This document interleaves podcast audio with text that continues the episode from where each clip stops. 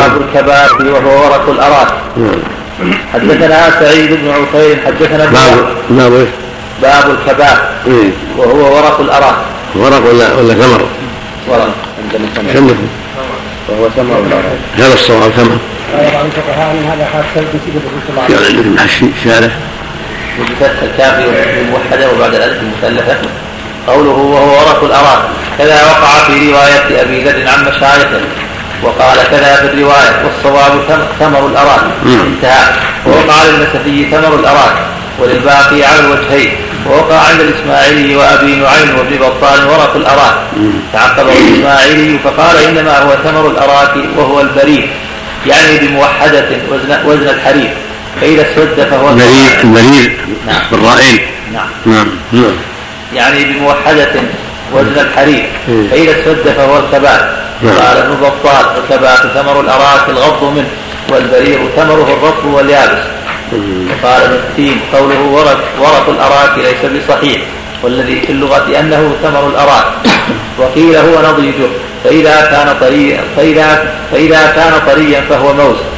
وقيل عكس ذلك وأن الكبات الطري وقال أبو عبيد هو ثمر الأراك إذا يبس وليس له عذر. قال أبو زياد له عجن عجن نعم. نعم بارك شكري نعم. نعم اللهم نعم. نعم. نعم. حدثنا سعيد بن عفير حدثنا ابن وهب عن يونس عن ابن شهاب قال أخبرني أبو سلمة قال أخبرني جابر بن عبد الله رضي الله عنهما قال كنا مع رسول الله صلى الله عليه وسلم بمرج الظهران نجري الكبات فقال عليكم بالأسود منه فإنه أيطب. فقيل أكنت ترعى الغنم؟ قال نعم. وهل من نبي إلا رعاها؟ أعد اللهم صل محمد. نعم. نعم. حدثنا نعم. حدثنا سعيد بن عفير حدثنا حدثنا ابن وهب عن يونس عن ابن شهاب. قال أخبرني أبو سلمة قال أخبرني جابر بن عبد الله رضي الله عنهما. قال كنا مع رسول الله صلى الله عليه وسلم بمرج الظهران نجني الكبات مم. فقال عليكم بالأسود منه فإنه ايطب مم. فقيل أكنت ترعى الغنم قال نعم وهل من نبي إلا رعاها. قال أهل العلم والحكمة في ذلك والله أعلم أنه يتدرج من رعاية البهائم إلى رعاية العقلاء وانه يستفيد من رعاية الغنم والسعي لها في مصالحها والعناية في مسالكها ومراعيها ومضاميها وغير ذلك مما تحتاج إليه الغنم. يكون هذا مقدمة وتمهيد لما أراد الله به من رعاية العقلاء. في قال الشارع عليه الله المستعان؟ عليكم بالأسود منه. في الاحمر كباب يعني. كان جلة. قوله كما ثمر الاراك ثمر سواء المساويك نعم. قوله نجني أي نقتطف إيه. قوله فإنه أي طب. إيه. كذا وقع هنا وهو لغة بمعنى أطيب. وهو مقلوب. وهو مقلوبه كما قالوا جدب وجبله. نعم. مقلوبه. أي طول أطيب. تقديم الياء على الطاء وتقديم الطاء على الياء. مثل جبنا أي طب مقلوب. أطيب. طب معنى أطيب. نعم. مم. قوله فقيل كنت ترعى الغنم. نعم. نعم. في السؤال اختصار والتقدير وكنت ترعى الغنم حتى عرفت أطيب الكباب. لأن راعي الغنم لأن راعي الغنم يكثر تردده تحت الأشجار لطلب المرعى منها والاستظلال تحتها. وقد تقدم بيان ذلك في قصة موسى من أحاديث الأنبياء. وتقدم الكلام على الحكمة في رعي الأنبياء الغنم في أوائل الإجارة. وأفاد ابن التين عن الداودي أن الحكمة في اختصاصها بذلك لكونها لا تركب فلا تزهو نفس راكبها. قال وفيه إباحة أكل ثمر الشجر. قال وفيه إباحة أكل ثمر الشجر الذي لا يملك. وهو فيه؟ قال وفيه إباحة أكل ثمر الشجر الذي لا يملك. يعني البلع نعم نعم. وقال قال ابن بطال. وهذه حكمة أخرى في رعي الغنم يعني أولا الرعاية لها شأن من جهة التدرج ثانيا كون الغنم بالإبل ولا البقر لأنها ضعيفة تحتاج إلى رزق وإلى عناية وهي لا تحمل لا تحمل صاحبها ولا تركب ولا تكسب الكبر والخيلاء فإن السكينة والتواضع عند أهل الغنم والكبر والخيلاء عند أصحاب الإبل كما جاء في الأحاديث. هذه حكمة أخرى في كون الأنبياء يرعون الغنم بالخصوص لما في ذلك من التواضع. والعناية برحمتها بضعفها وعدوان الذئب عليها. فكانت الرعاية لها أكمل من الرعاية لغيرها من أنواع الحيوان في تمهيد حال الرسل إلى لما يراد منهم من رعاية العقلاء والقيام على مصالح العقلاء والرفق بهم ورحمتهم. نعم. لله الحكمة سبحانه وتعالى. نعم. قال ابن بطال كان هذا في أول الإسلام عند عدم الأقوات فإذ قد أغنى الله عباده بالحنطة والحبوب الكثيرة والسعة الجسم فلا حاجة بهم إلى ثمر الأراك قلت إن أراد بهذا الكلام قلت إن أراد بهذا الكلام الإشارة إلى كراهة تناوله فليس بمسلم. ولا يلزم من وجود ما ذكر منع ما أبيح بغير ثمن. بل كثير من أهل الورع لهم رغبة في مثل هذه المباحات أكثر من تنا من تناول ما يشترى والله أعلم. صدق المؤلف صدق. ثم أيضا قد تدعو الحاجة حاجة الرعاة وأهل البر تدعوهم إلى هذه الأشياء. ليس كل وقت يكون عندهم مرادهم من الحبوب واللحوم والأشياء الأخرى. البراري يضطر إليها بعض الأحيان حتى الغني قد تدعو الحاجة إلى ذلك لأنه انقطع به السبيل أو أضل الطريق أو نعم. تكملة. أخرج البيهقي فيها أخرج البيهقي هذا الحديث في كتاب الدلائل من طريق عبيد بن شريك عن يحيى بن بكير بسنده الماضي في أحاديث الأنبياء إلى جابر. فذكر هذا الحديث وقال في آخره قال إن ذلك كان يوم بدر يوم جمعة بثلاث عشرة بقيت من رمضان. يكفي ذلك. نعم. الله المستعان نعم. باب المضمضة بعد الطعام. نعم. حدثنا علي بن عبد الله حدثنا سفيان. سمعت يحيى بن سعيد عن بشير بن يسار عن سويد بن النعمان رضي الله عنه. قال خرجنا مع رسول الله صلى الله عليه وسلم إلى خيبر. فلما كنا بالصهباء دعا بطعام فما أتي إلا بسويه. فأكلنا فقام إلى الصلاة فتمضمض ومضمضنا. باب لعق الأصابع وبصها قبل أن تمسح بالمنديل. قال يحيى. قال يحيى سمعت بشيرا يقول حدثنا سويد خرجنا مع رسول الله صلى الله عليه وسلم إلى خيبر فلما كنا بالصهباء قال يحيى وهي من خيبر على روحة دعا بطعام فما أتي إلا بسويق فلقناه فأكلنا منه ثم دعا بماء فمضمض ومضمضنا معه. ثم صلى بنا المغرب ولم يتوضأ. وقال هذا يبين هذا يبين لنا أن الأمر من مسألة النار كان قديما وليس قبل خيبر. لأنها خير سنة ست في أول سنة سبع من الهجرة. هذا يدل على الأمر بالغلو مسألة النار كان قديما. نعم. ولهذا توضأ واكتفى عليه الصلاة والسلام. نعم. ولم يتوضأ من السويق والسويق مسة النار فإنه حب يحبس ثم يثرى نعم. هذا الجمهور يعني ذهبوا إلى هذا. نعم. يقول ذهبوا إلى نعم. من ورد هذا وقد ذهب بعضهم إلى أن النسخ ليس بنسخ ولكنه من باب بيان عدم الوجوب. وقال سفيان كأنك تسمعه من يحيى. باب لعق الأصابع ومصها قبل أن تمسح بالمنديل حدثنا علي بن عبد الله حدثنا سفيان عن عمرو بن دينار عن عطاء عن ابن عباس رضي الله عنهما أن النبي صلى الله عليه وسلم قال إذا أكل أحدكم فلا يمسح يده حتى يلعقها أو يلعقها. ابن عباس نعم. باب المنديل حدثنا إبراهيم بن منذر قال حدثني محمد بن فليح قال حدثني أبي عن سعيد بن الحارث عن جابر بن عبد الله رضي الله عنهما أنه سأله عن الوضوء مما مست النار فقال لا قد كنا زمان النبي صلى الله عليه وسلم لا نجد مثل ذلك من الطعام إلا قليلا فإذا نحن وجدناه لم يكن لنا مناديل إلا أكفنا وسواعدنا وأقدامنا ثم نصلي ولا نتوضأ.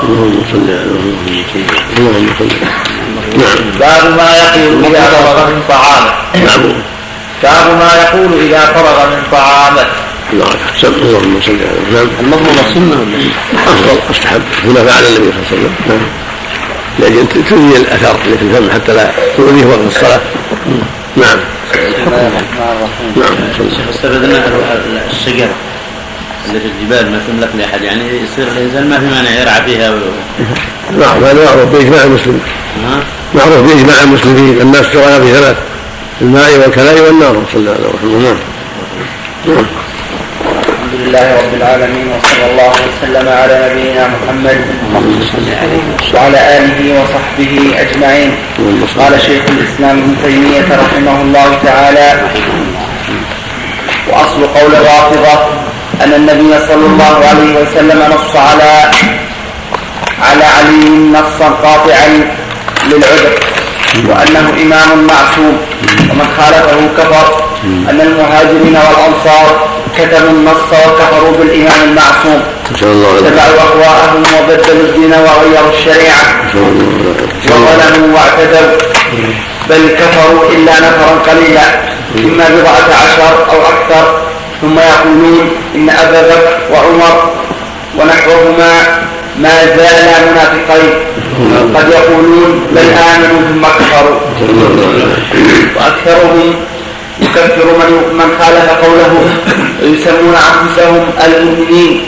ومن خالفهم كفارا ويجعلون مدائن الإسلام التي لا تظهر فيها أقوالهم دار ردة أسوأ حالا من مدائن المشركين والنصارى. ولهذا يوالون هذا قول الرافضة. هم الإمامية الاثنى عشريه المعروفون الآن. الخميني وأصحابه نسأل الله العافية. نعم. وهذه حالة من اقبح الحالات بالله لأنهم جعلوا أهل السنة شرا من اليهود والنصارى نسأل الله حتى الفوا في هذا مؤلفات قالوا إنهم إنهم تباح لهم دماء أهل السنة وأموالهم لأنهم تابعوا الصحابة وتابعوا ما يزعمون أنه ظلم لعلي وظلم لأهل البيت. نستجيب بالله. نعم.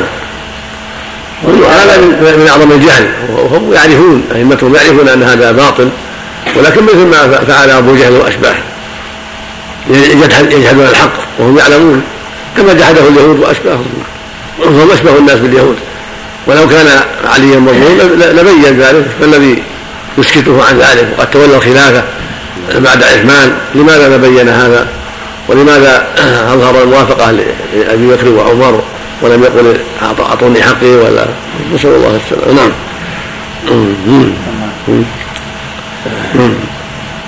ولهذا يوالون اليهود والنصارى والمشركين على بعض جمهور المسلمين ومعاداتهم ومحاربتهم كما عرف من موالاتهم الكفار المشركين على جمهور المسلمين. ومن, ومن موالاتهم الإفرنج. النصارى على جمهور المسلمين ومن موالاتهم اليهود على جمهور المسلمين ومنهم ظهرت أمهات أمهات الزندقة والنفاق نعم. كزندقة القرامطة الباطنية وأمثالهم ولا ريب أنهم أبعد طوائف المبتدعة عن الكتاب والسنة ولهذا كانوا هم المشهورين عند العامة بالمخالفة للسنة. فجمهور العامة لا تعرف ضد السني إلا الرافضي. فإذا قال أحدهم أنا سني فإنما معناه لست رافضيا. ولا ريب أنهم شر من الخوارج. لكن الخوارج كان لهم في مبدأ الإسلام سيف على أهل الجماعة وموالاتهم الكفار أعظم من سيوف الخوارج.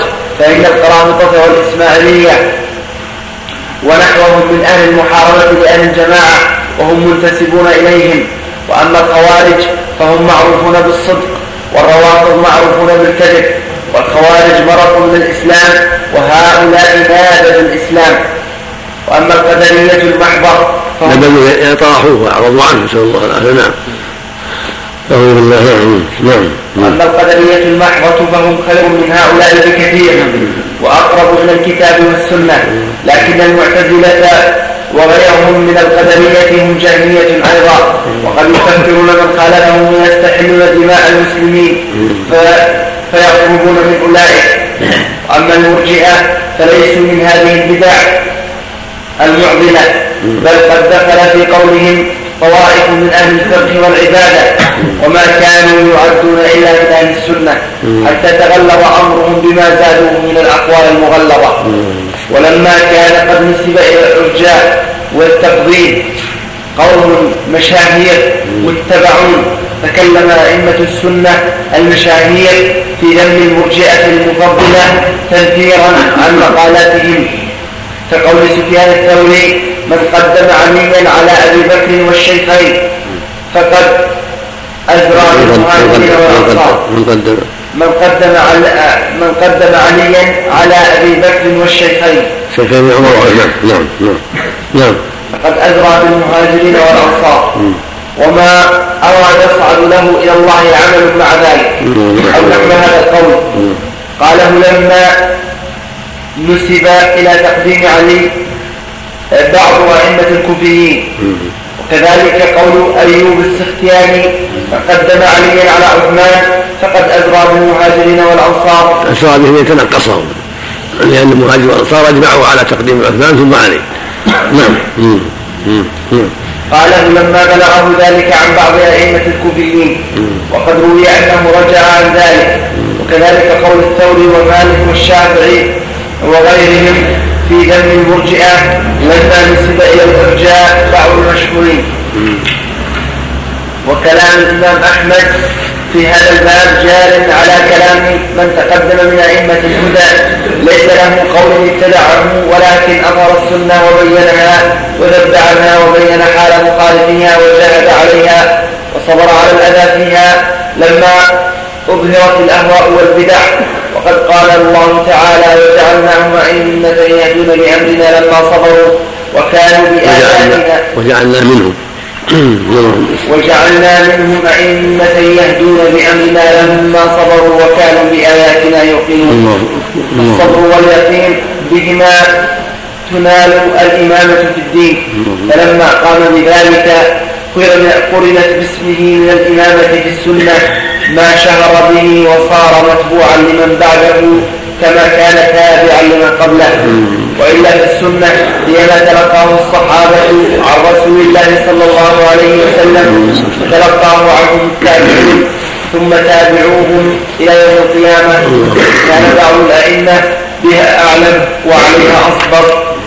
والله سبحانه وتعالى أعلم وأحكم والله أعلم. نعم فصل قاعدة. اللهم صل على محمد. شيخ نعم. بالنسبة للعوام من طوائف الشيعة يعذرون بجهلهم. ياخذوا قد يعذرون بجهل عدم التكفير إلا بعد البيان ولكن ما يعذرون في اتباع الباطل يعلمون ويوجهون ويستحقون الهجر حتى يرجعوا عما هم من الباطل. أما التكفير قد يعذرون بجهل التكفير حتى يبين لهم. مذهب الرافضه نعم صلى الله. وسلم نعم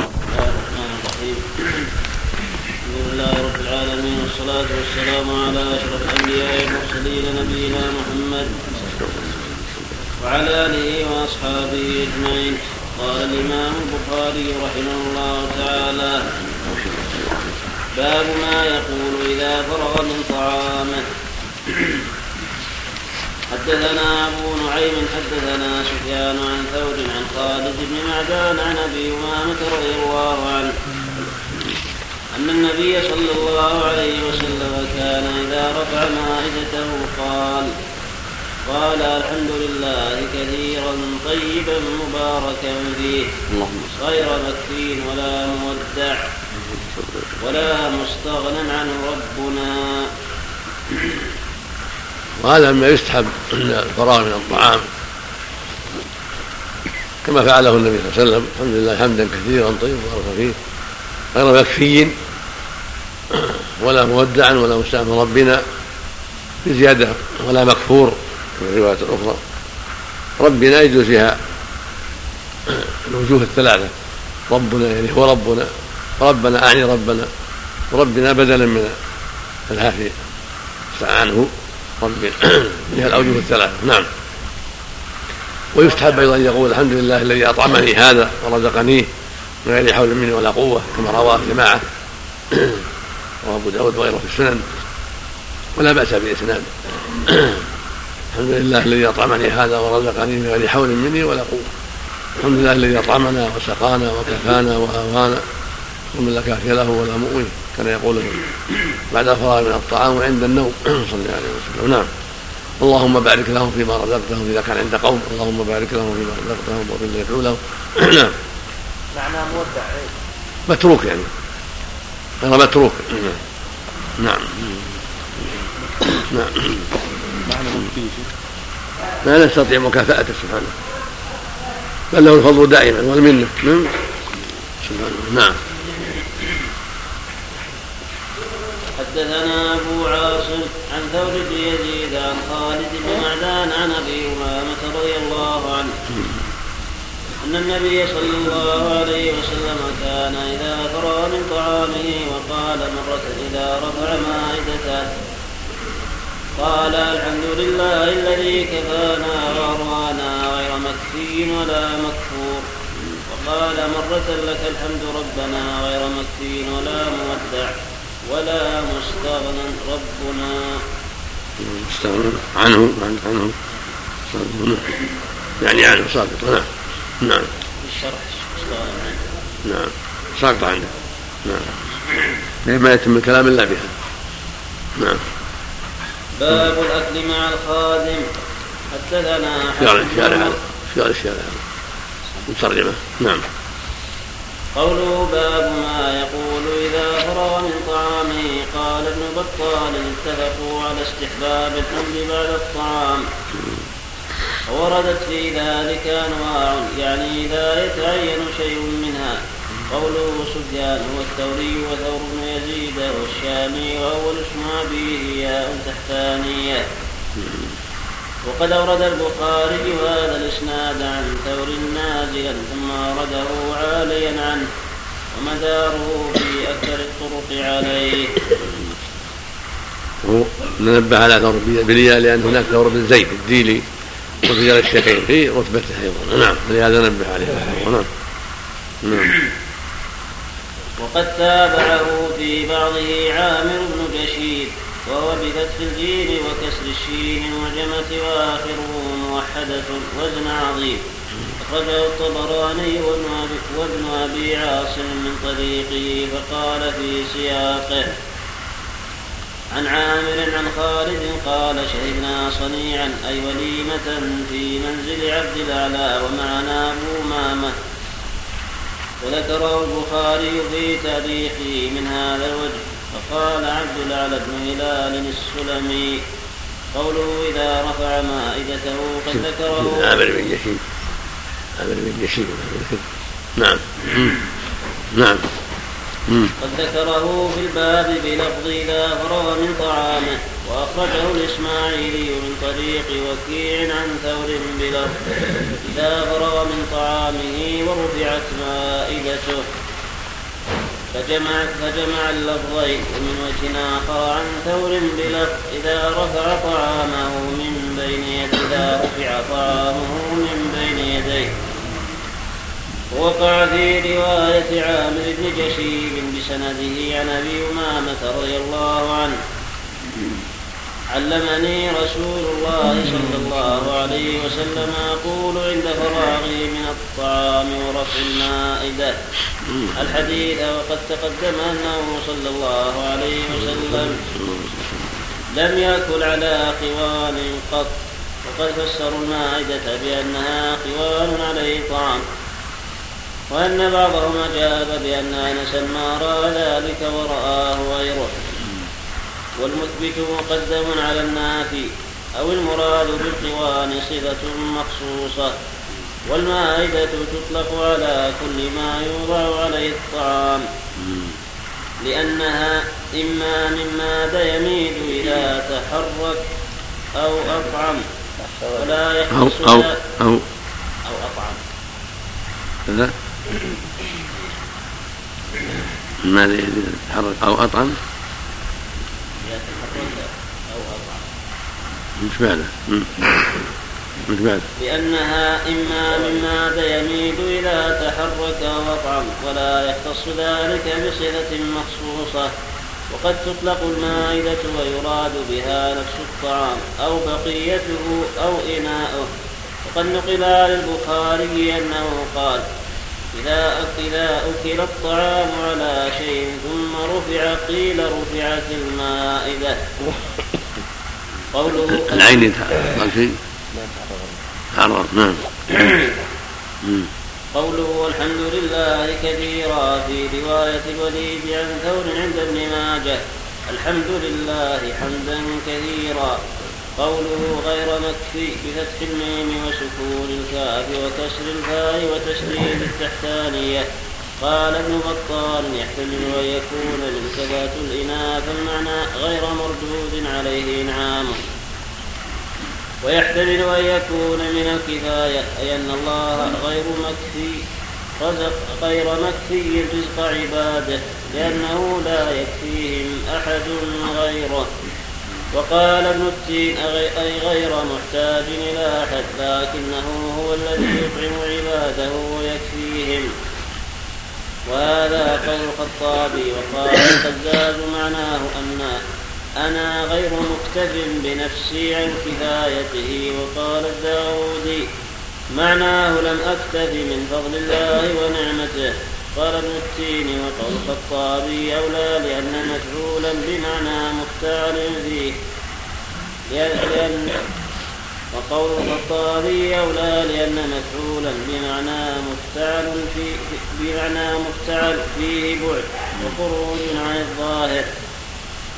وهذا كله على أن الضمير لله ويحتمل أن يكون الضمير للحمد. قال إبراهيم الحربي الضمير للطعام ومكفي بمعنى مقلوب. من الإكفاء وهو القلب. غير أنه لا يكفي للاستغناء عنه. وذكر ابن الجوزي عن أبي منصور الجوانيقي أن الصواب غير مكفأ بالهمز غير مكافأ بالهمز أي أن نعمة الله لا تكافأ. قلت وثبتت هذه اللفظة هكذا في حديث أبي هريرة. لكن الذي في حديث الباب غير مكفي بالياء ولكل معنى. قوله في رواية أخرى كفانا وأروانا. هذا يؤيد عود الضمير إلى الله تعالى لأنه تعالى هو الكافي للمكفي. وكفانا ومن الكفاية وهي أعم من الشبع والري وغيرهما فأروانا على هذا من الخاص بعد العام. وقع في رواية ابن السكن عن الفربري وآوانا بالمد. من الإيواء. وقع في حديث أبي سعيد عند أبي داود الحمد لله الذي أطعمنا وسقانا وجعلنا مسلمين. ولأبي داود والترمذي من حديث أبي أيوب الحمد لله الذي أطعم وسقى وسوغه وجعل له مخرجا. وأخرج النسائي وصححه ابن حبان والحاكم من حديث أبي هريرة ما في حديث أبي سعيد وأبي أمامة وزيادة في حديث مطول وللنسائي من طريق عبد الرحمن بن جبير المصري أنه حدثه رجل قدم النبي صلى الله عليه وسلم ثمان سنين. أنه كان يسمع النبي صلى الله عليه وسلم إذا قرب إليه طعامه يقول بسم الله. فإذا فرغ قال اللهم أطعمت وسقيت وأغنيت وأقنيت وهديت وأحييت. فلك الحمد على ما أعطيت وسنده صحيح. اللهم اللهم أطعمت. اللهم وروى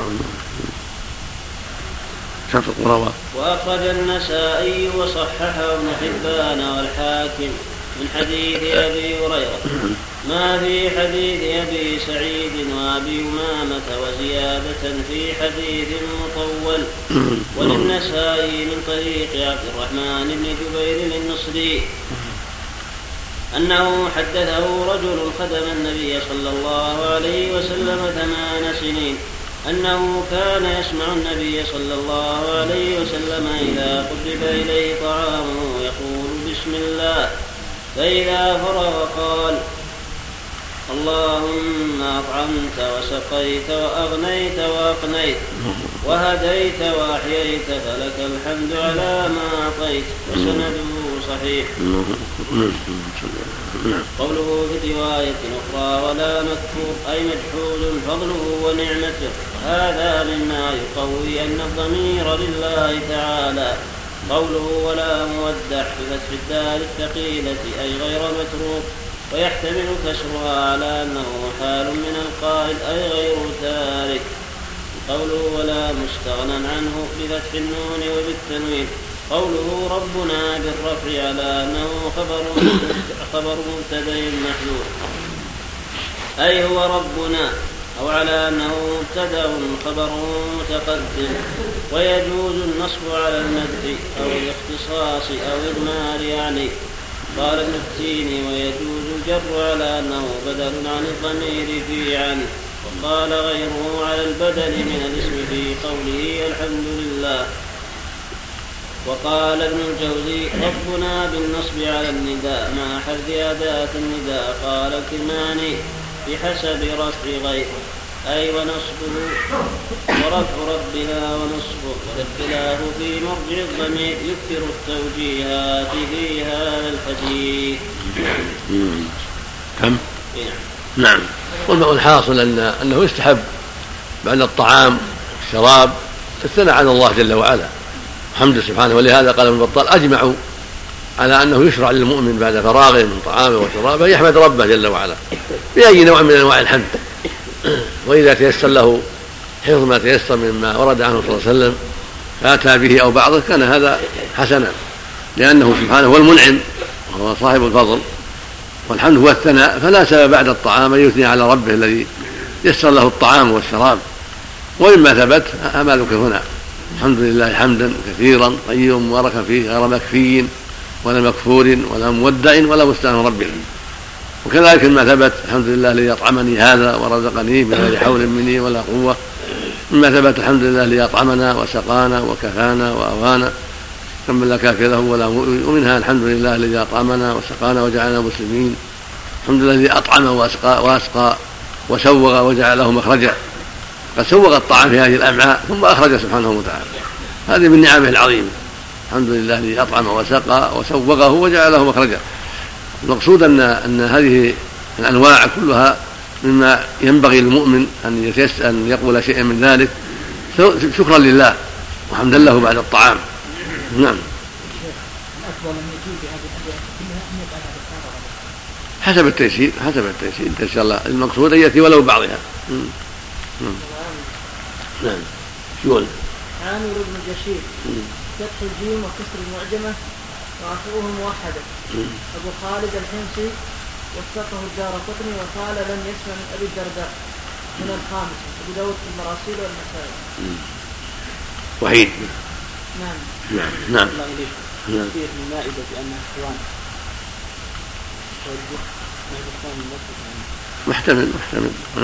النخال أو ما يوضع عليه طعام السفرة المعتادة ويطلق على نفس نفس الطعام يقال له مائدة. نعم. الأمر سهل جاء جاء هذا وهذا جاء أكله على الإخوان وجاء عدم أكله ومن نفى فهو على حسب علمه. نعم. نعم. نعم.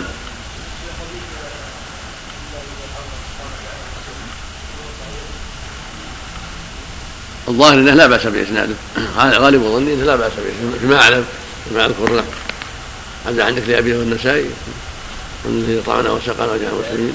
نعم لأبي داود. نعم. يراجع الذي أذكره انه لا بأس به. نعم. حفظك الله. نعم. لو قام عند ناس قل اللهم بارك لهم في إذا طعم عند إذا طعم عند ناس يدعو لهم. اللهم بارك لهم فيما رزقتهم واغفر لهم وارحمهم. أكل طعامك ابرار وأفطر عندهم الصائمون وصلت عليكم الملائكة. هذا فيما يتعلق بالناس. أما ما يتعلق بهم الحمد لله يحمد ربه. نعم. نعم. أظنه ورد لكن ما أعرف حاله. نعم. حديث قول ما لا لا يعني ما أتذكر نعم. نعم. باب الأكل مع الخادم. حدثنا حفص بن عمر. حدثنا شعبة عن محمد هو ابن زياد قال سمعت أبا هريرة رضي الله عنه عن النبي صلى الله عليه وسلم قال إذا أتى أحدكم خادمه بطعامه فإن لم يجلسه معه فليناوله أكلة أو أكلتين أو لقمة أو لقمتين فإنه ولي حره وعلاجه. وهذا يشعر بأن جلوسه معه أولى لأن نفسه لها تعلق به فإذا أجلسه معه صار فيه فضلان. الفضل الأول التواضع والفضل الثاني مواساة الخادم وإيناسه ودفع ما قد يتعلق ما قد تتعلق به نفسه. إذا كان طعام الخادم غير طعام السيد. أما إذا كان الطعام واحد فالأمر واسع نعم. نعم. باب الطاعم الشاكر مثل الصائم الصابر. الله فيه نعم. عن أبي هريرة رضي الله عنه عن النبي صلى الله عليه وسلم. باب الرجل قال وش قال عليه؟ قوله باب الطاعم باب الطاعم الشاكر مثل الصائم الصابر فيه عن ابي هريرة رضي الله عنه عن النبي صلى الله عليه وسلم. هذا الحديث من الأحاديث المعلقة التي لم تقع في هذا الكتاب موصولا. وقد أخرجه المصنف في التاريخ والحاكم في المستدرك من رواية سليمان بن بلال عن محمد بن عبد الله بن أبي حرة بضم المهملة وتشديد الراء عن عمه حكيم بن أبي حرة عن سليمان الأغر. عن أبي هريرة رضي الله عنه ولفظه إن للطاعم الشاكر من الأجر. مثل ما للصائم الصابر. ولا سلمان تم.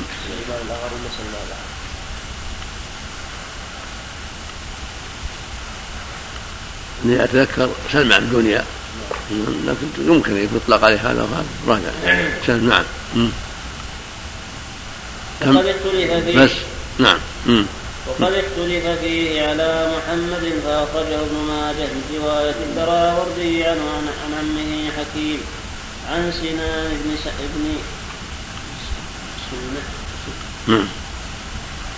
سنان بن سنة سنان بن سنه نعم. عن سنان بن سنة الأسلمي. ضبطه العين قال وقلت سنان بكسر السين المهملة وتخفيف النون. ابن سنة بفتح السين المهملة والنون المشددة. طيب. له صحبة. طيب. نعم. نعم. عن سنان بن سنة الأسلمي وقيل عن الدراوردي عن موسى بن عقبة عن محمد عن عمه عن رجل من أسلم لكن صرح الدراوردي في رواية أحمد بأن محمد بن أبي حرة أخبره فلعله كان حمله عن موسى بن عقبة عنه ثم سمعه منه. وقد رجح أبو زرعة رواية الدراوردي هذا. ذكر البخاري في التاريخ من رواية وهيب.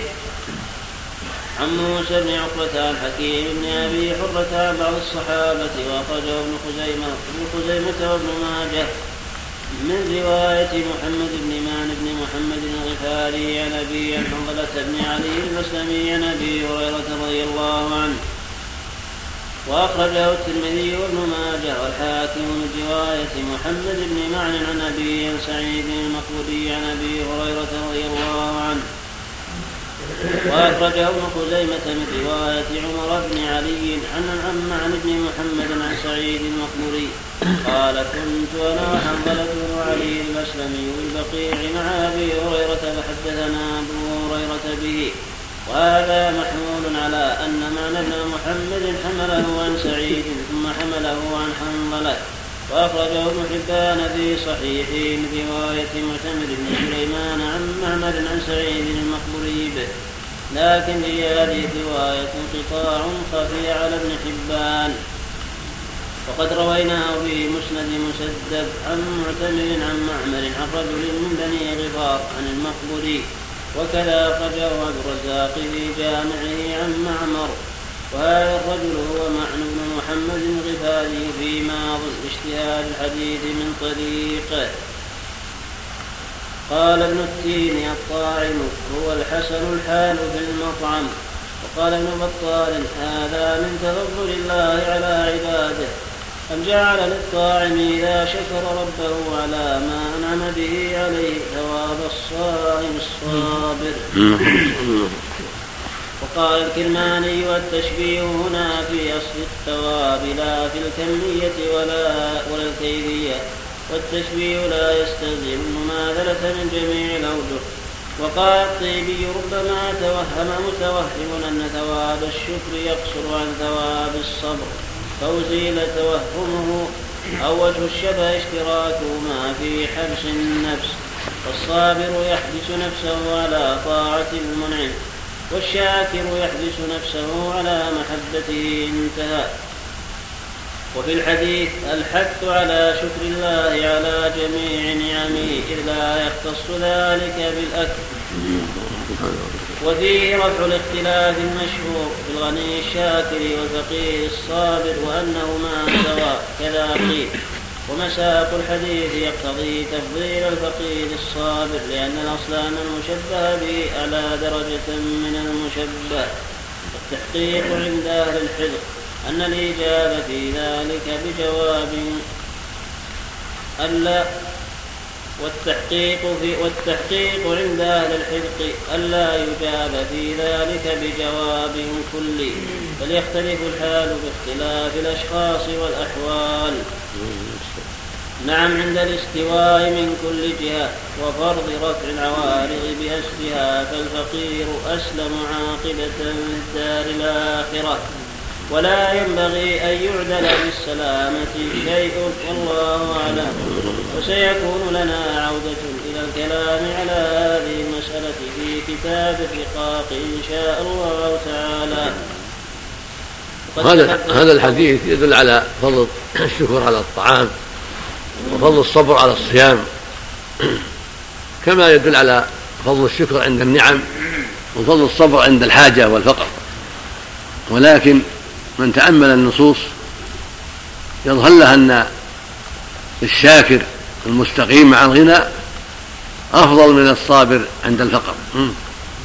لأن الشاكر مع الغنى توفرت له أسباب المعاصي وأسباب الشر ثم تركها لله وجاهد نفسه.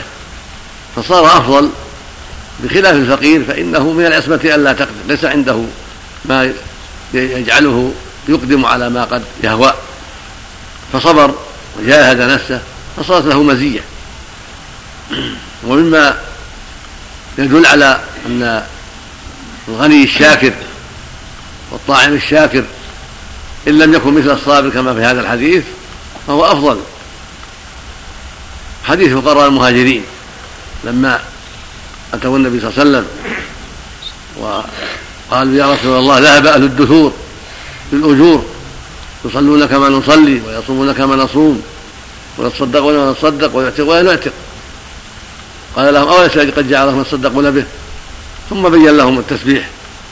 وقال لهم في حديث أبي هريرة في الصحيحين ألا أدلكم على شيء تدركون به من سبقكم وتسبقون من بعدكم؟ ولا يكون أحد أفضل منكم إلا من صلى صلاتكم قالوا بلى يا رسول الله قد تسبحون تحمدون تكبرون. دبر كل صلاة. ثلاثة وثلاثين.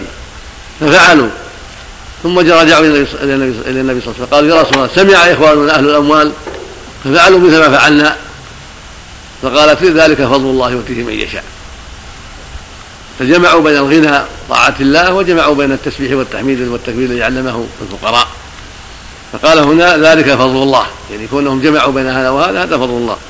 هذا يشعر بأنهم يعني أدركوا شيئا فات الفقراء لكن بالنية الطيبة والاجتهاد والقصد الصالح يتساوى هؤلاء وهؤلاء. هذا بماله وشكره وهذا بصبره ونيته الصالحة. مثل ما في حديث الجهاد لما كان في تبوك قال إن في المدينة أقواما ما سلكتم مادا ولا قطعتم شعبا إلا وهم معكم. حبسهم العذر. واللفظ الآخر قال إلا شريككم في الأجر. قال وهم في المدينة؟ قال وهم في المدينة. حبسهم المرض. هذا يدل على أن الإنسان إذا حبسه عذر ومنعه مانع شارك من فعل الخير الذي ليس عنده مانع. كذلك حديث اللي رواه البخاري في الصحيح إذا سافر العبد أو مرض كتب الله له ما كان يعمل وهو صحيح مقيم. صار له عمله كاملا بسبب العذر. فالفقير الصابر معذور ما عنده شيء لكن بصبره واجتهاده ونيته الطيبة ساوى الطاعم الشاكر. وقول المؤلف الحافظ ان ان الجزم بأنهم سواء يعني فيه نظر عند أهل الحفظ. له وجه لأن الناس قد يتفاوتون من جهات أخرى قد يكون عند الطاعم الشاكر من الحسنات والفضائل ما يفوق ما يفوق بها على على الصائم الصابر. وقد يكون عند الصائم الصابر من الحسنات والأعمال الصالحة الكثيرة ما يفوق بها على الطاعم الشاكر. لكن لو تمحض كل شيء صار سواء. لو صار يعني كلهم صاروا كلهم مجتهدين في الخير كلهم يعني متقاربون في الأعمال الأخرى لكن هذا فقير وهذا صائم صابر وهذا طاعم شاكر استوى يعني. وعلى كل تقدير فهذا يدل على انه ينبغي المؤمن أن يكون أبدا في عمل صالح. إما شكر مع القدرة وعناية بما أنعم الله عليه وإما صبر مع العجز وحذر من الجزع وقلة الصبر. فليصبر مع عند الشدة وليشكر الله عند النعمة. نعم. الفقير الصابر والفقير الصابر الصابر الحديث الطائع الشاكر كالصائم الصابر هذا لفظ المؤلف نعم. هو جاء لها طرق لكن لها طرق بعضها جيد بعضها صحيح. نعم. أحسن عليك. لا يستويان في المشقة.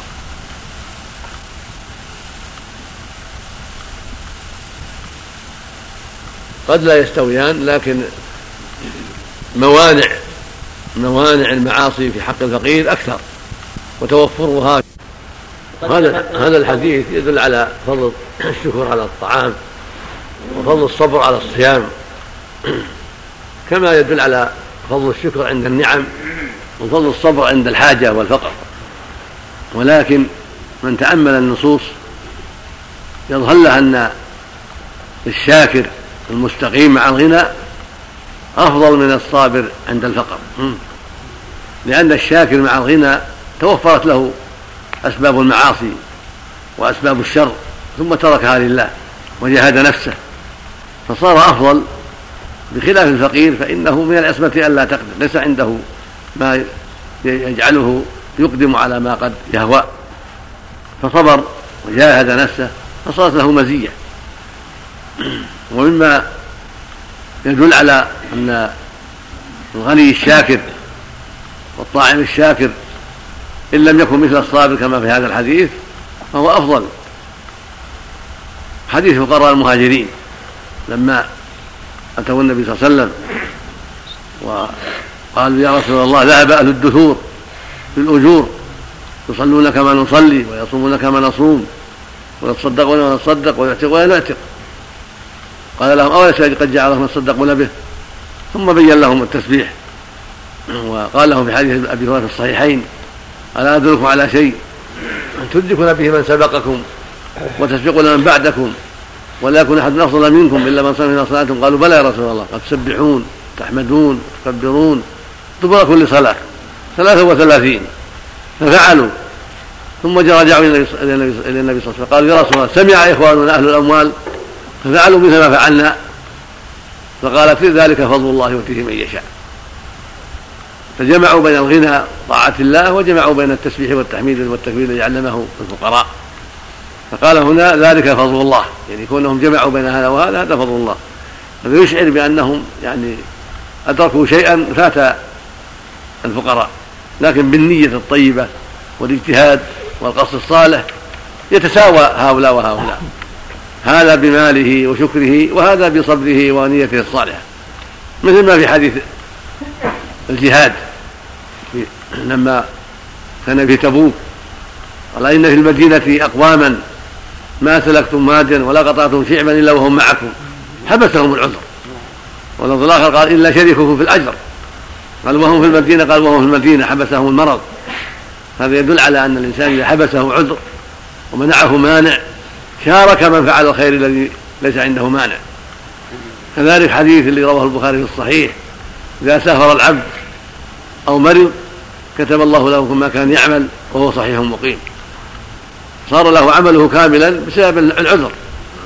فالفقير الصابر معذور ما عنده شيء لكن بصبره واجتهاده ونيته الطيبة ساوى الطاعم الشاكر. وقول المؤلف الحافظ ان ان الجزم بأنهم سواء يعني فيه نظر عند أهل الحفظ. له وجه لأن الناس قد يتفاوتون من جهات أخرى. قد يكون عند الطاعم الشاكر من الحسنات والفضائل ما يفوق ما يفوق بها على الطاعم على الصائم الصالح وقد يكون عند الصائم الصالح من الحسنات والأعمال الصالحة الكثيرة ما يفوق بها على الطاعم الشاكر. لكن لو تمحض كل شيء صار سواء. لو صار يعني كلهم صاروا كلهم مجتهدين في الخير كلهم يعني متقاربون في الأعمال الأخرى لكن هذا فقير وهذا صائم صابر وهذا طاعم شاكر استوى يعني. وعلى كل تقدير فهذا يدل على انه ينبغي المؤمن أن يكون أبدا في عمل صالح. إما شكر مع القدرة وعناية بما أنعم الله عليه وإما صبر مع العجز وحذر من الجزع وقلة الصبر. فليصبر مع عند الشدة وليشكر الله عند النعمة. نعم. الصابر والفقير الصابر الصائم الصابر الحديث الطاعم الشاكر كالصائم الصابر هذا لفظ المؤلف نعم. هو جاء لها طرق لكن لها طرق بعضها جيد بعضها صحيح. نعم. أحسن عليك. لا يستويان في المشقة.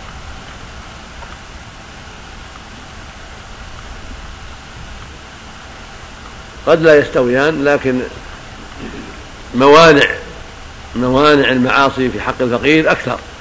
وتوفرها في حق الطاعم أكثر فإن الذي ملك نفسه عند عند النعمة وشكر له مزية عظيمة. من يملك نفسه عند القدرة إلا القليل؟ نعم. قد تقدم القول فيها في أواخر في أواخر صفة الصلاة قبيل كتاب الجمعة. الكلام على حديث لا بال الدخول بالدرجات العلى نعم. باب الرجل يدعى إلى طعام فيقول وهذا معي. قال أنس إذا دخلت على مسلم لا يختار فكل من طعامه واشرب من شرابه. حدثنا عبد الله بن أبي الأسود حدثنا أبو سامة حدثنا الأعمش حدثنا شقيق حدثنا أبو مسعود الأنصاري. قال كان رجل من الأنصار يكنى ابا شعيب وكان له غلام لحام. اتى النبي صلى الله عليه وسلم وهو في أصحابه. فعرف الجوع في وجه النبي صلى الله عليه وسلم فذهب إلى غلامه اللحام فقال اصنع لي طعيما يكفي خمسة. لعلي أدعو النبي صلى الله عليه وسلم خامس خمسة وصنع له طعيما ثم أتاه فدعاه فتبعه رجل. فقال النبي صلى الله عليه وسلم يا أبا شعيب إن رجلا تبعنا فإن شئت أذنت له وإن شئت تركته. قال لا بل أذنت له. وهذا يشبه ما ترجم به المؤلف. قال وهذا وفيه رواية مسلم في الصحيح كما قدم أن رجلا دعا النبي صلى الله عليه وسلم فقال وهذه يعني عائشة فقال لا ثم دعا فقال وهذه قال لا ثم دعا في الثالثة قال وهذه قال نعم. المقصود إنه إذا دعي الإنسان قال لا وهذا معنا ولا ما نجيبك؟ فإن أجاب وإلا, وإلا ترك. لا بأس أن يقول هذا الكلام. نعم مثل مثل ما فعل النبي صلى الله عليه وسلم مع عائشة نعم.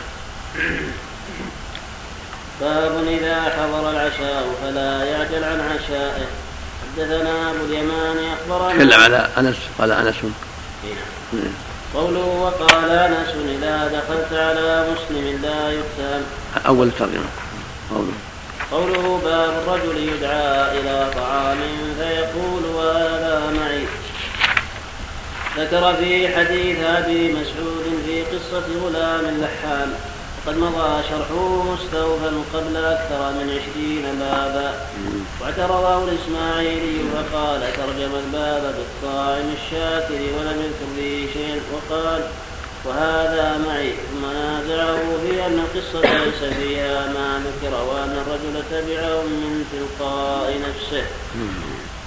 قلت أما الجواب عن الأول فكأنه سقط من روايته قول البخاري فيه عن أبي هريرة رضي الله عنه.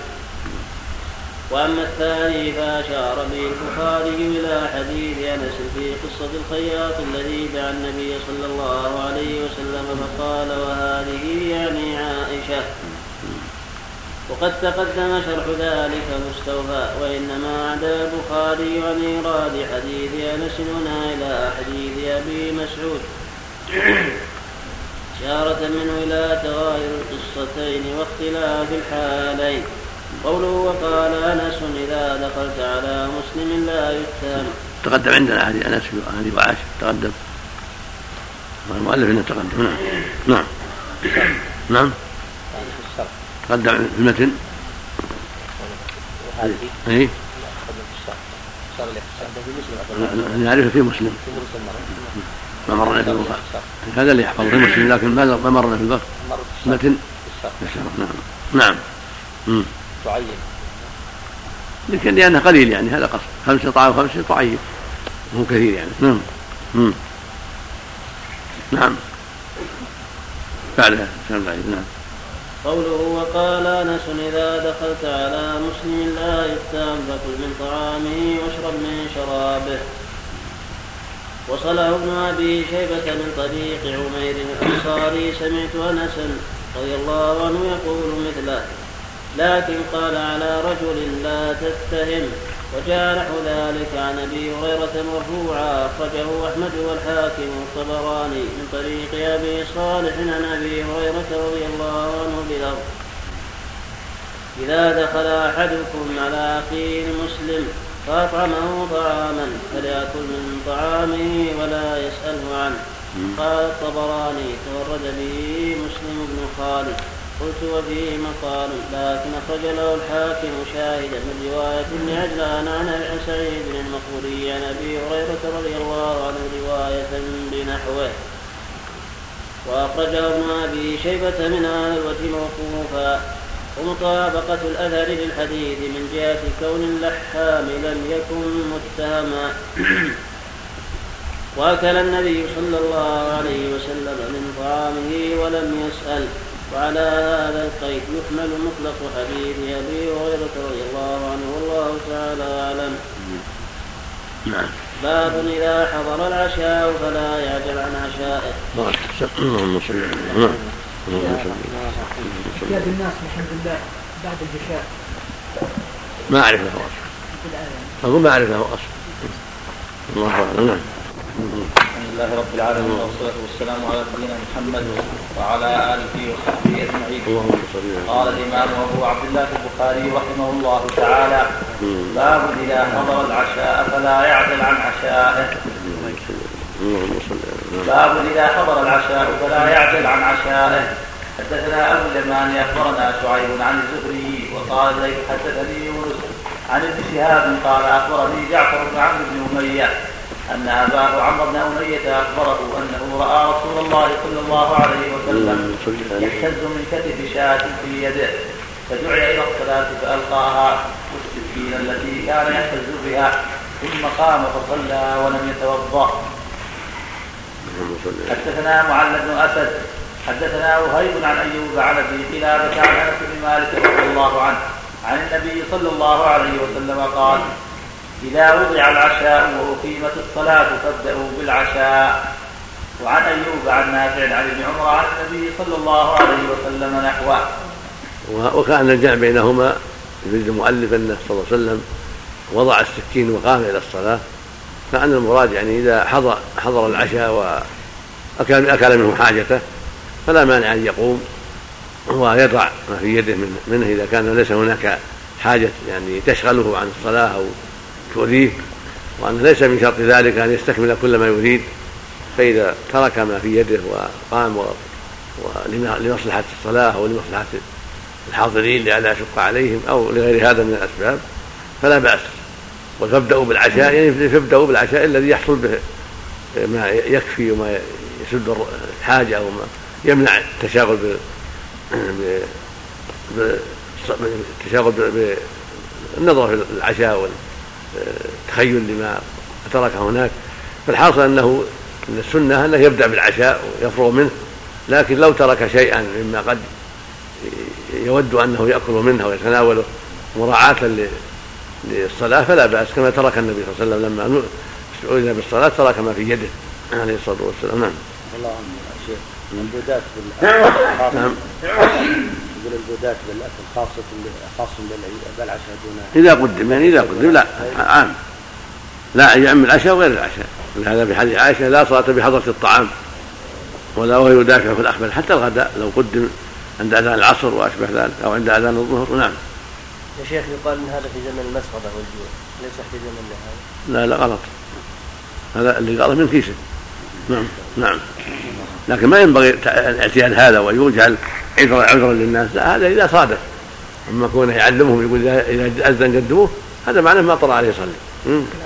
مع الجماعة. إنما هذا إذا صادف. قدمت قدم العشاء للضيوف قدم له. وما طلبه قدم له. فليبدا فليبدا به. حتى لا يتعلق به قلبه. حتى يأتي الصلاة وهو خاشع حاضر القلب مطمئن. نعم. لا يكون عادة يجعل عادة عند عند الصلاة. نعم. الله عمل في الزمن اليوم. أنه يقول قدم العشاء والغداء مع الاذان ويجلس على الأقل نصف ساعة وهم يفرشون السفرة ويقدموا وتفوت الصلاة. مستدلين بهذا الحديث. أنا مقضيون المقصود إذا قدم يأكلون وما إذا ما قدم يؤجل يؤجل حتى يصلوا. نعم. وعن أيوب عن نافع عن ابن عمر رضي الله عنهما أنه تعشى مرة وهو يسمع قراءة الإمام. عن عن عن وعن أيوب عن نافع عن ابن عمر رضي الله عنهما أنه تعشى مرة وهو يسمع قراءة الإمام. يعني قدم له نعم. حدثنا محمد بن يوسف حدثنا سفيان عن هشام بن عروة عن أبيه عن عائشة رضي الله عنها عن النبي صلى الله عليه وسلم قال إذا أقيمت الصلاة وحضر العشاء فابدأوا بالعشاء. قال وهيب بن سعيد عن هشام إذا وضع العشاء كل هذه تلاحظ حضر وضع كلها تلاحظ. مو يطلب يطلب قدم وضع احضر. لأنه تعلق بنفسه تعلق بقلبه. نعم نعم. باب قول الله تعالى فإذا طعمتم فانتشروا. حدثنا عبد الله بن محمد حدثنا يعقوب بن إبراهيم حدثنا أبي عن صالح عن ابن شهاب أن أنس رضي الله عنه قال أنا أعلم الناس بالحجاب. كان أبي بن كعب يسألني عنه. أصبح رسول الله صلى الله عليه وسلم عروسا بزينب بنت جحش وكان تزوجها بالمدينة فدعا الناس بالطعام بعد ارتفاع النهار. فجلس رسول الله صلى الله عليه وسلم وجلس معه رجال بعدما قام القوم. حتى قام رسول الله صلى الله عليه وسلم فمشى ومشيت معه حتى بلغ باب حجرة عائشة. ثم ظن أنهم خرجوا فرجع فرجعت معه فإذا هم جلوس مكانهم.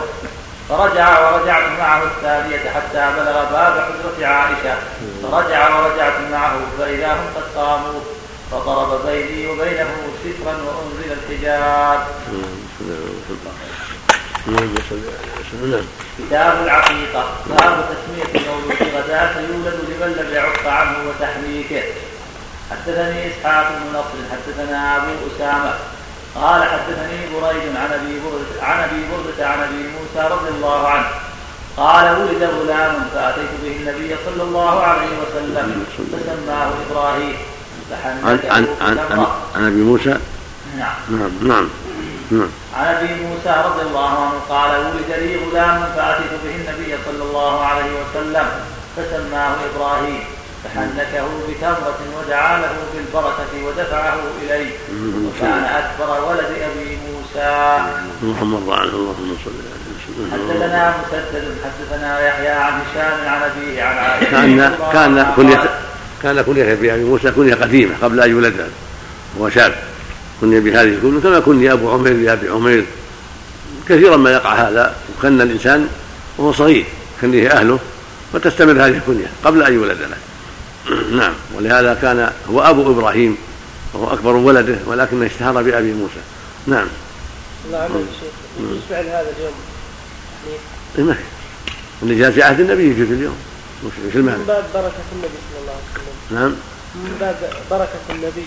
فيه هذا ليس من باب التبرك بالنبي عندما يطلب التحنيك منه هذا حاصل بالنبي صلى الله عليه وسلم. طلب التحنيك هذا قصدهم يريدون ما جعل الله فيه من البركة لكن إذا جاب الولد لأبيه يسميه أو جابه الأخ لأخيه الكبير من باب التقدير ما في شيء. أقصد التحنيك. التحنيك سنة مطلقة دائما. نعم. بالتمرة نعم. ينضغها الرجل بحنك. نعم نعم أمه ولا أبوه ولا غيره نعم. نعم. نعم. الجمع بينه وبين حديث يوم السابع كله سنة كله سنة إن سمى يوم الولادة هو سنة وإن سمى يوم السابع هو سنة. نعم. كلها ثابت عن النبي صلى الله عليه وسلم. التحنيك كذلك. نعم. والله عنك التحنيك بالأذان في أذن والإقامة في هذا ما يسمى تحنيك هذا الأذان والإقامة عند عند التسمية. نعم. لا بأس به. إن فعله فلا بأس وإن ترك فلا بأس. لكن السنة نعم. مستحب عند جمع من أهل العلم. وفي حديث لا بأس به. نعم. إذا حنك بغير التمر جايز؟ السنة بالتمر. نعم. نعم. هذه في سند بعض الضعف لكن عليه العمل. نعم. انه من رواية عاصم بن عبيد الله ولا اتذكر له شواهد لكن صححه الترمذي والجماعة. الإقامة؟ نذا والإقامة نعم. نعم. ولم يحفظ عن النبي انه لما سمى بعض أولاده سمى إبراهيم يوم ولد لم يحفظ عنه أنه سمى أنه أذن فيه وأقام لكن جاء في حديث عاصم. الأذان وجاء في حديث آخر الإقامة كان عمر بن عبد يفعل ذلك. عليه العمل عند جمع من أهل العلم. من فعله فقد أحسن ومن ترك فلا بأس. نعم هذا أمر واسع. نعم. حلق الرأس للذكر والأنثى. المعروف في الذكر خلق المعروف إنه في حلق راس الحسين والحسن. نعم. قال كل غلام. قال ويحلق ويسمى. نعم. نعم. فقيل المؤلف التسميه لمن لم فيولد نعم. فقيل المؤلف التسميه غدا فيولد لمن لم يعق عنه. في المترجمه باب باب تسمية المولود غدا فيولد لمن لم يعق عنه. ما أدري والله ما أعرف. شيء المقصود احاديث واضحه في انه إن سمى يوم الولادة فلا بأس وإن سمى يوم العقيقه فلا بأس. كله سنة. نعم. يعني الحلق خاصة بالذكور نعم. يحلقهم حدثنا مسدد حدثنا يحيى عن هشام عن أبيه عن عائشة رضي الله عنها قالت أتي النبي صلى الله عليه وسلم بصبي يحنكه فبال عليه فأتبعه الماء.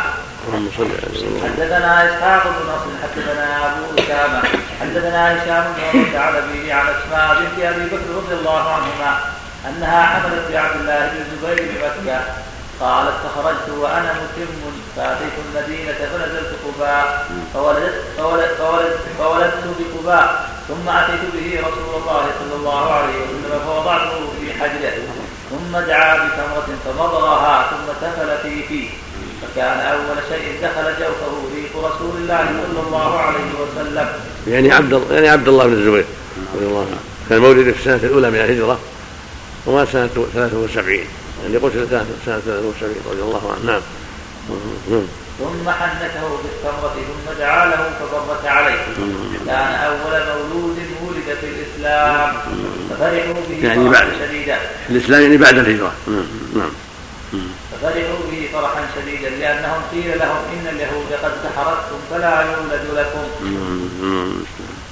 حدثنا مطر بن الفضل. حدثنا يزيد بن هارون أخبرنا عبد الله بن عوف. عن أنس بن سيرين عن أنس بن مالك رضي الله عنه. حدثنا حدثنا. حدثنا مطر بن الفضل. حدثني مطر بن الفضل. حدثنا يزيد بن هارون. أخبرنا عبد الله بن عون عن أنس بن سيرين. تكلم على مطر.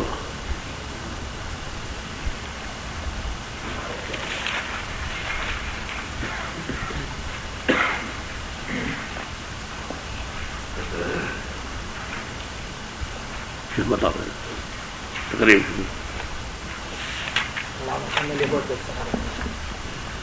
نعم. يعني قال بعض الناس بعض. نعم. نعم. اللي قد نفخت فيه الروح. نعم. نعم. أفضل. نعم. نصر بن الفضل المروزي. ثقة من الحادي عشر. قال الفري... قال الفاضل مات عندنا. يعني بعد الخمسين البخاري. بس. نعم. نعم. مروزي نعم. نعم. ماشي. نعم. حدثني مطر بن الفضل حدثنا يزيد بن هارون. أخبرنا عبد الله بن عون عن أنس بن سيرين عن أنس بن مالك رضي الله عنه. قال كان ابن لأبي طلحة يشتكي. فخرج أبو طلحة فقبض الصبي فلما رجع أبو طلحة قال ما فعل ابني؟ قالت أم سليم هو أسكن ما كان. فقربت إليه العشاء فتعشى ثم أصاب منها. فلما فرغ قالت والد الصبي فلما أصبح أبو طلحة أتى رسول الله صلى الله عليه وسلم فاخبره فقال أعرفتم الليلة قال نعم قال اللهم بارك لهما في ليلتهما فولدت غلاما. قال لي أبو طلحة احفظه حتى تأتي به النبي صلى الله عليه وسلم فأتى به النبي صلى الله عليه وسلم وأرسلت معه بثمرات فاخذه النبي صلى الله عليه وسلم فقال امعه شيء؟ قالوا نعم ثمرات فأخذها النبي صلى الله عليه وسلم فمضاها ثم أخذ من فيه فجعلها في الصبي وحنكه به وسماه عبد الله. حدثنا محمد بن وهذا الولد عبد الله كان من أصلح الناس. وأخرج الله من صلبه ذرية جيدة كثيرة. ومنهم إسحاق بن عبد الله بن أبي طلحة. الإمام المشهور التابعي الجليل الذي روى عن عمه أنس الشيء الكثير كان هذا الرجل مبارك خرج من صلبه جماعة قرأوا القرآن وأخذوا العلم نعم نعم كلهم قد حدثنا أبي علي عن ابن عون عن محمد عن أنس وساق الحديث اللهم نعم. باب إمارة الأذى على الصبي في العقيقة. شو كلامه على باب العقيقة؟ الذي يعق عنه تؤخر تسميته إلى السابع كما سيأتي في الأحاديث الأخرى وهو جمع لطيف لم أره لغير البخاري. وغريب أمر غريب جدا. يعني يكون التسمية في أول يوم لمن لم يعق لما ما ما نوى أن يعق هذا ليس ليس بجيد ولم وليس عندنا دليل واضح على أن الرسول ما عق عن إبراهيم وليس عندنا دليل على أن أبا موسى نوى أنه ما يعق ولم يسأله النبي يقول أنت تريد أن تعق ما تعق حتى نسميه. الأمر ليس بجيد وإن فهمه البخاري رحمه الله إن صحت الترجمة فالذي عليه الجمهور والأكثرون أن العقيقة في يوم السابع والتسمية مخير فيه إن شاء سمى يوم يوم الولادة وإن شاء سمى يوم السابع. فالمقصود أن التسمية يوم الولادة ليس بشرط في حق من لم يريد العقيقة. نعم. كمل. أو في رواية سعيد بن منصور عن سفيان عن زيد بن أسلم عن رجل من بني ضرة عن عمه. سمعت رسول الله صلى الله عليه وسلم يسأل عن العقيقة وهو على المنبر بعرفة. فذكر. عن عرفة. هذا فيه رجل مبهم أو مبهم فيه رجل مبهم. ما يصح نعم. وله شاهد من حديث عبد بن شعيب عن أبيه عن جده أخرجه أبو داود. ويقوي ويقوى أحد الحديثين بالآخر. قال أبو عمر لا أعلمه مرفوعا إلا عن هذين. قلت وقد أخرجه البزار وأبو الشيخ في العقيدة من حديث أبي سعيد. ولا حجة فيه لنفي مشروعيتها. بل اخر الحديث يثبتها. وإنما غايته أن يؤخذ منه أن الأولى أن تسمى نسيكة أو ذبيحة وأن لا تسمى عقيقة. وقد نقله ابن وقد نقله ابن أبي الدم عن بعض الأصحاب. نعم. قال كما في تسمية العشاء عتمة وذكر المصنف في الباب أربعة أحاديث. اللهم اغفر لنا الحمد لله رب العالمين وصلى الله وسلم على نبينا محمد نعم. أقول هل يعتم لم يعرف عنها السنة المعروف عند الجمهور سنة. يقول من أحب أن يعرف سنة مؤكدة. نعم. نعم. بالنسبة للمولود سنه ولا مستحب؟ نعم. التحنيك بالنسبة للمولود مستحب مستحب. نعم. مستحب نعم. نعم يوم الولاده نعم. نعم يمضى تمرة أمه ولا أبوه يحطها في فمه ويدلك الحنك الفوقي بإصبعه حتى يستقيم ويقوى. نعم. يرتفع نعم. يعرفونها الحليب أو يعرفونها الحليب الآن. نعم نعم. حسن راسي صدق وزنه هذا أفضل. وزن الفضة وزن الفضة هو ما يقوم مقامها نعم أفضل نعم. نعم. أسبوع نعم. ذهب للمسائل. ما أعرف لها أصل في هذا. أقول هذا شيء يختص بالنبي عليه الصلاة والسلام. نعم. نعم. إنما التحنيك والتسمية سنة. وإذا أراد الصغير يقدم الكبير في التسمية يقدم لأبيه أو لأخيه الكبير حتى يتولى التسمية. ما في مانع. من باب الأدب يعني. هل يحنك بغير التمر؟ السنة التمر لكن مثل ما سمعت إذا ما تيسر التمر بالحلوى بالعسل ما في بأس. نعم. نعم. نعم. نعم. نعم. لو قدم هذا تحريك للعالم ما أعرف له أصل. نعم. قال الإمام أبو عبد الله البخاري رحمه الله تعالى باب إماطة الأذى عن الصبي في العقيقة. حدثنا أبو النعمان حدثنا حماد بن زيد عن أيوب عن محمد عن سلمان بن عامر. قال مع الغلام عقيقة. وقال حجاج حدثنا حماد. أخبرنا أيوب وقتادة وهشام وحبيب عن ابن عن سلمان عن النبي صلى الله عليه وسلم.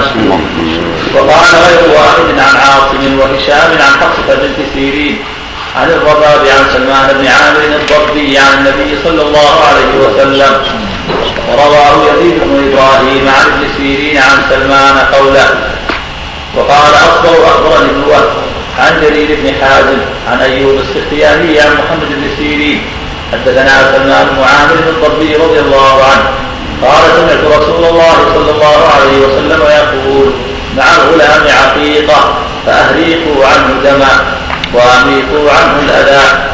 حدثني عبد الله بن أبي الأسود حدثنا قريش بن أنس عن حبيب بن الشهيد قال أمر ابن سيرين قال أمر ابن سيرين أن أسأل الحسن ممن سمع حديث العقيقة فسألته فقال من سمرة بجندب. يعني حديث. كل غلام مختار بعقيدة تذبح عليه وسابه ويحلق ويسمى. هذا رواه الحسن من طريق سمرة. وهذا هو المحفوظ إنه سمعه من سمرة. وبقيه أحاديث عن سمرة هي محتملة. نعم. باب الفرع حدثنا عبدان حدثنا عبد الله. أخبرنا معمر أخبرنا معمر حدثنا الجليل عن المسيب عن أبي هريرة رضي الله عنه. عن النبي صلى الله عليه وسلم قال لا فرع ولا عسيرة. والفرع أول الرتاج كانوا يذبحونه لطواغيتهم والعسيرة في رجب. باب العسيرة. حدثنا علي بن عبد الله حدثنا سفيان قال الزهري حدثنا عن سعيد بن المسيب عن أبي هريرة رضي الله عنه عن النبي صلى الله عليه وسلم قال لا فرع ولا عسيره قال والفرع أول النتاج كان ينتج لهم كانوا يذبحونه لطواغيتهم والعشيرة في رجب. هذا واضح في انه ناسخ لما كان في الجاهلية.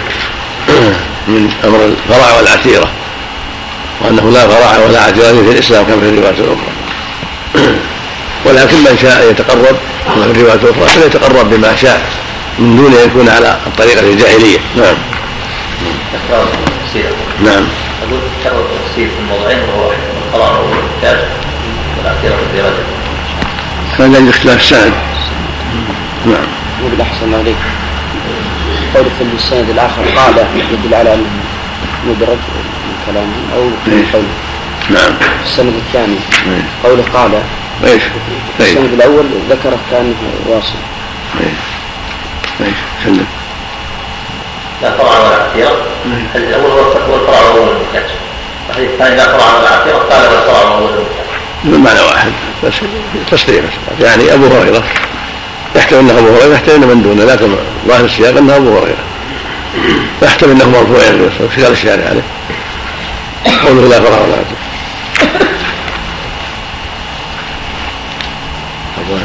قال والفرع. قال قوله قال والفرع لم يتعين هذا القائل هنا. ووقع في رواية مسلم من طريق عبد الرزاق عن معمر المنصور التفسير بالحديث. ولأبي داود من رواية عبد الرزاق عن معمر عن الزهري عن سعيد بن المسيب. قال الفرع الأول النتاج الحديث جعله موقوفا على سعيد بن المسيب. وقال الخطابي أحسن التفسير فيه من قول الزهري. قلت قد أخرج أبو قوة في السنن الحديث عن عبد الله بن قلت قد أخرج أبو قرة في السنن الحديث عن عبد المجيد بن أبي داود عن معمر. صرح في روايته أن تفسير الفرع والعتيرة من قول الزهري والله أعلم. قوله أول النتاج قوله أول النتاج في رواية تشبيهني كتاب بغير ألف ولا. وهو بكسر النون بعدها مثنات خفيفة وآخره جيد. قوله كان ينتج لهم بضم أوله وفتح الثالث وفتح ثالثه يقال نتجت الناقة النون وكسر المثنى إذا ولدت. ولا يستعمل هذا الفعل إلا هكذا وإن كان مبنيا للفاعل.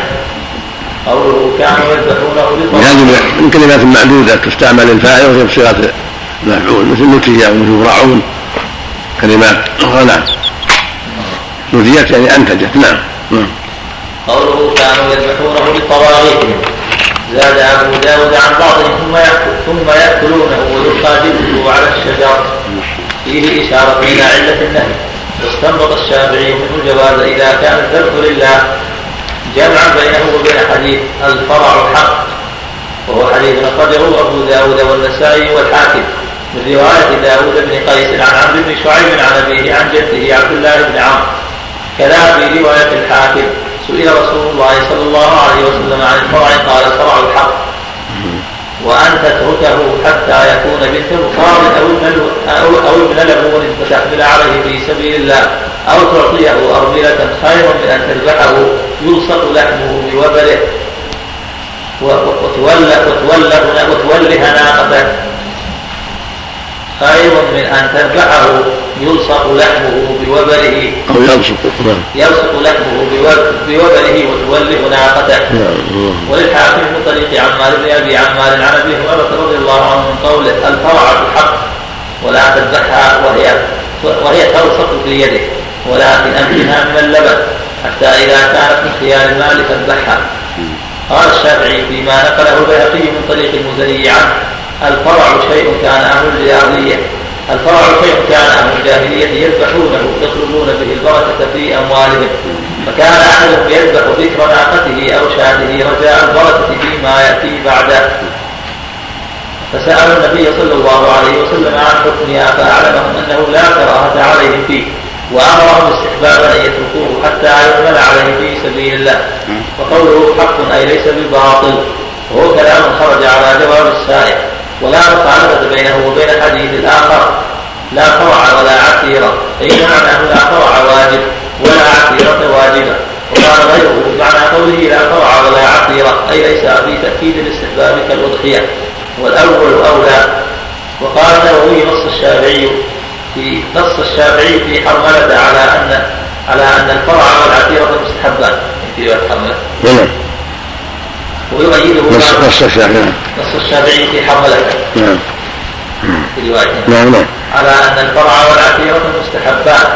ويؤيده ما أخرجه أبو داود والنسائي وابن ماجه وصححه الحاكم وابن المنذر عن نبيشة بن موحدة ومعجمة مصغر. قال نادى رجل رسول الله صلى الله عليه وسلم إنا كنا نعثر عثيرة في الجاهلية في رجب فما تأمرنا قال اذبحوا لله في أي شهر كان. قال إنا كنا نقرأ في الجاهلية.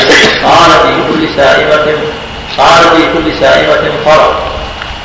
تغدوه ماشيتك حتى إذا استحمل ذبحته فتصدقت تغدوه ماشيتك حتى إذا استحمل ذبحته فتصدقت بلحمة. فإن ذلك خير. في رواية أبي داود عن أبي قلابة السائمة مئة.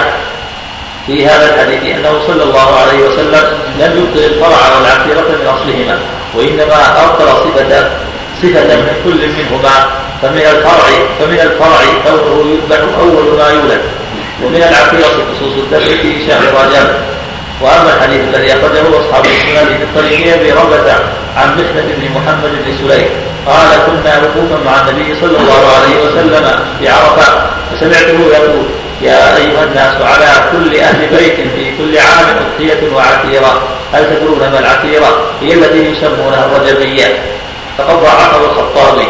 لكن حسنه الترمذي وجاء من وجه آخر عن عبد الرزاق عن محمد بن سليم. ويمكن رده إلى ما حمل عليه حديث مبيشه وروى النسائي وصححه الحاكم من حديث الحارث بن عمرو أنه لقي رسول الله صلى الله عليه وسلم في حجة الوداع. فقال رجل يا رسول الله العتائر والفرائع. قال من شاء عثر ومن شاء لم يعثر ومن شاء فرع ومن شاء لم يفرع وهذا صريح في عدم الوجود. لكن لا يأتي الاستحباب ولا يثبته فيؤخذ الاستحباب من حديث آخر. وقد أخرج أبو داود من حديث من حديث أبي العشرة عن أبيه أن النبي صلى الله عليه وسلم سئل عن العتيرة فحسنها.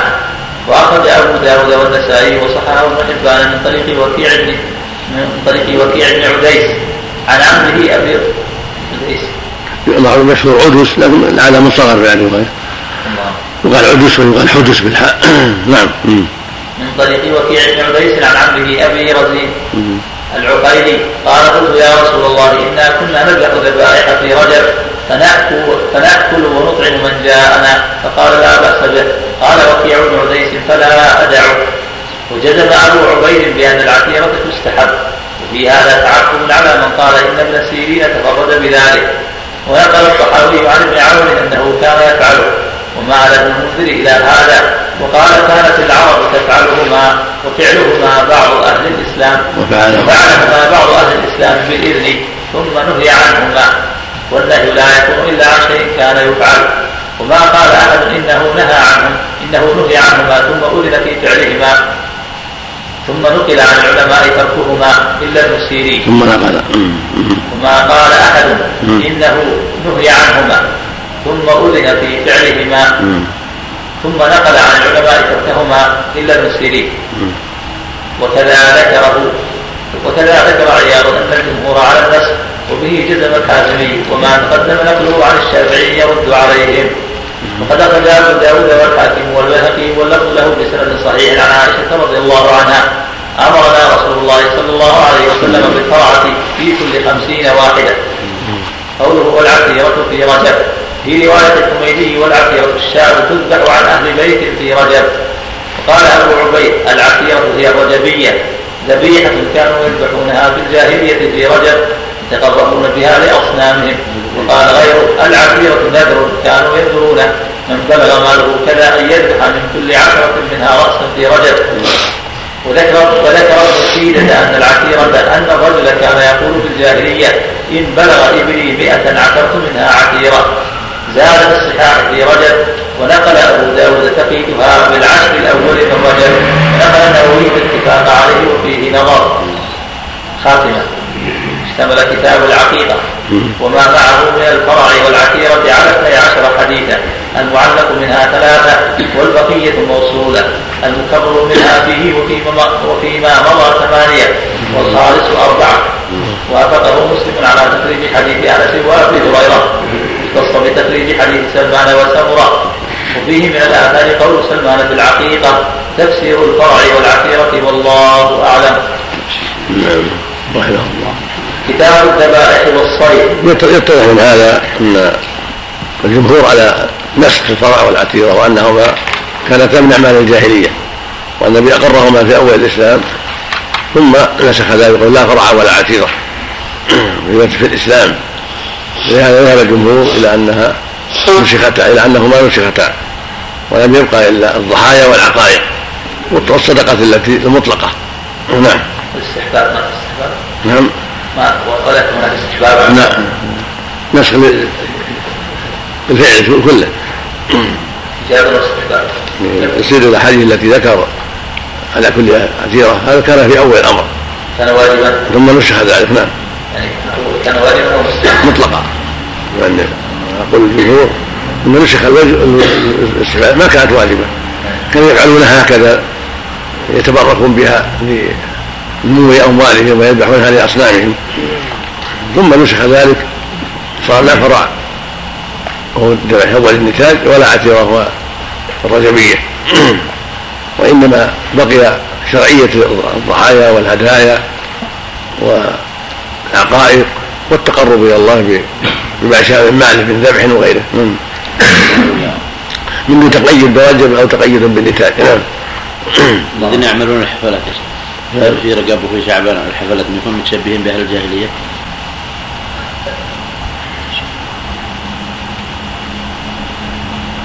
لا إذا كان لها أسباب ما هي داخل في هذا.